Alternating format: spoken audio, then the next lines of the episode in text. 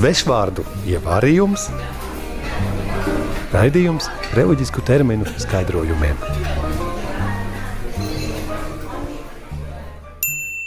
Šodienas burts ir Burts, r. Burts, kuru visgrūtāk man izrunāt. Rezurekcijas procesija. No latīņu vārda rezurektio – augšām celšanās. Tātad rezurekcijas procesija. Lieldienu vigīlijas, liturģijas nobeiguma procesija, kad agri no rīta priesteri monstranci nesot, ticīgie dzied dziesmas un iet apkārt baznīcai, pasludinot Kristus uzvaru pār nāvi. Bieži šīs procesijas beigās tiek svinēta svētā mise, kuru sauc par rezurekcijas misi. Un tagad neliela iedziļināšanās. Tāda rezurekcijas procesija ietver divas dimensijas. No vienas puses ir pats kungs, Kristus, kas iet pie cilvēkiem. Spāņā ir vietējās tradīcijas, kurā tā procesija iet praktiski dažādas dienas, oktāvas, astoņas dienas, uz dažādām vietām, kurā runā par dažādām situācijām, kurās augšām celties Kristus satika ar cilvēkiem, ar savu māti, Mariju, ar Mariju Magdalēnu, ar Pēteri un ar citiem cilvēkiem. Un tādā veidā tā procesija kļuva par tādu gājienu pa dienam, ne tikai lieldienu misijas kontekstā. Es atceros, ka bija arī tāda tradīcija, kad izmantoja lieldienas procesijas, rezurekcijas procesijas laikā, jaunieši izmantoja petardes. Lai atminētu šo zemestrīci, ar kuru atveras kaps un izgāja Kristus. Tātad tas bija interesanti, kādreiz arī bīstami, bet tāda tradīcija bija ļoti stipra savā laikā. Tas drusku ir teātris, tomēr ir arī katehēze tiem cilvēkiem, kuri to pārdzīvo kādā veidā. Un tas ir tā dubultā kustība, varam teikt. Kristus, kas iet pie cilvēkiem, evaharistijas zīmē, jo rezurekcijas procesija ir evaharistiska procesija. No otras puses, arī cilvēki, kuri pieder procesijai, viņi dod liecību par to, ka tic par savu ticību, ka Jēzus Kristus ir augšām cēlīts.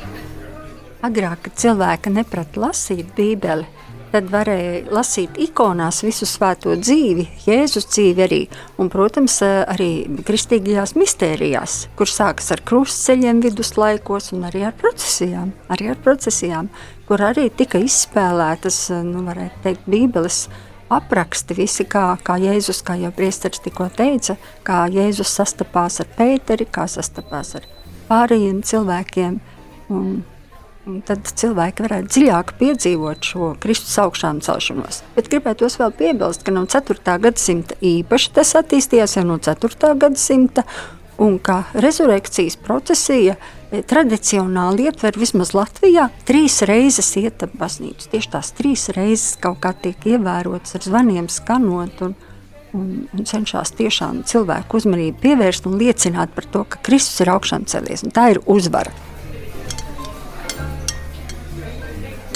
Tā tad rezurekcijas procesija. Šādi tiek saukta Lieldienu vigīlijas liturģijas nobeiguma procesija, kad agri no rīta priesteri monstrāns nesot ticīgie dzied dziesmas un iet apkārt baznīcai, pasludinot Kristus uzvaru pār nāvi. Un tagad iesaistīsim šo vārdu teikumā. Nu, un valdības sēdē beidzot starp labējiem kreisajiem ministriem notikusi sava veida rezonance, jo ir pieņemta rezolūcija par reizus faktoru ietekmi uz rezurekcijas procesiem mūsu sabiedrībā un baznīcā kopumā. Svešvārdu ievārījums, raidījums reliģisku terminu skaidrojumiem.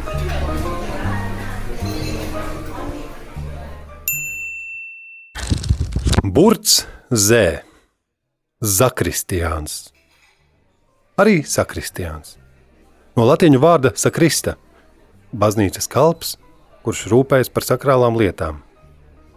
Tātad zakristiāns - palīgs garīdzniekam, atbildīgais par kārtību zakristējā un par liturģisko priekšmetu sagatavošanu pirms dievkalpojuma. Un tagad sadzīviskais skaidrojums. Zakristiānam ir ļoti liela atbildība. Tas ir lais. Tomēr viņam jāzina arī, kad ir diena, kad ir svētki, jārūpējas par hostiem, par vīnu. Viņam ir visas atslēgas, ne tikai baznīcas atslēgas, bet arī no visām citām telpām. Viņš arī zvana ar zvaniem. Viņš arī kalpo dažreiz kā ministrants, ja pietrūkst ministranti. Tad, tad viņam jāzina daudz lietas. Tas ir, tas ir ļoti svarīgi. Ministrants var kļūt par zakristiānu, ja viņš zina, kur atrodas lietas nepieciešamas liturgijai, ja viņš zina liturgisko kalendāru un kā to izmantot.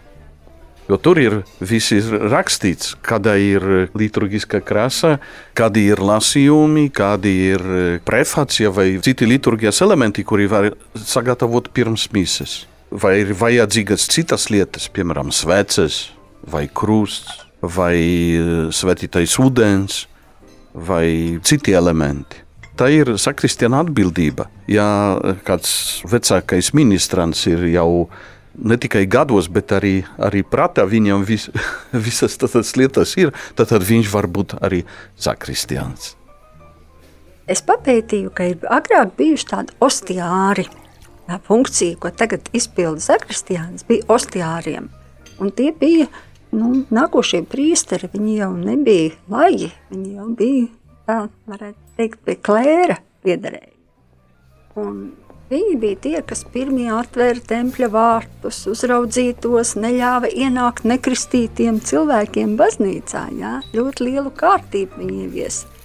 Un tikai pēc Vatikāna otrā koncila sakristiāna funkcija mainījās un pāvests Pāvils VI osteriāta kalpošanu atcēla 1972. gadā, un tagad šo funkciju pilda sakristiāni. Ko teikt par Latviju?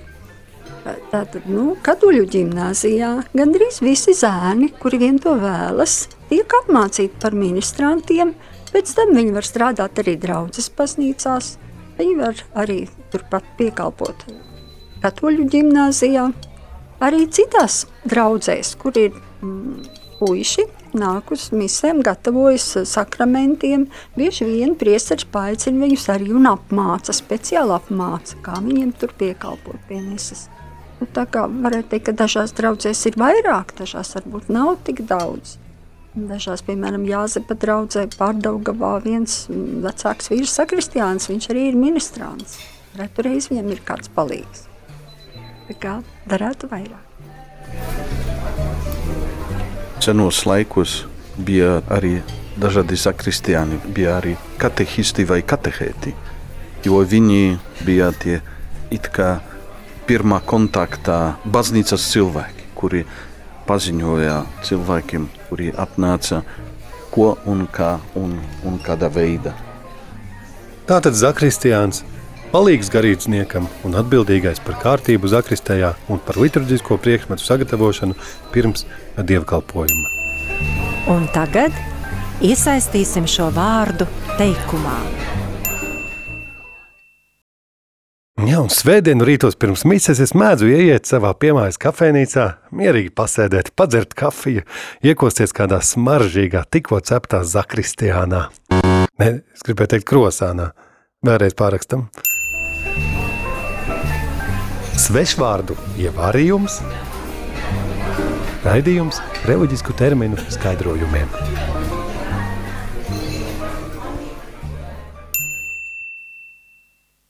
Jēdzienu skaidrojošo vārnīcu vietnē katolis.lv veido māsas kalpones Ginta un Inese, kā arī jezuītu tēvs Tadeušs.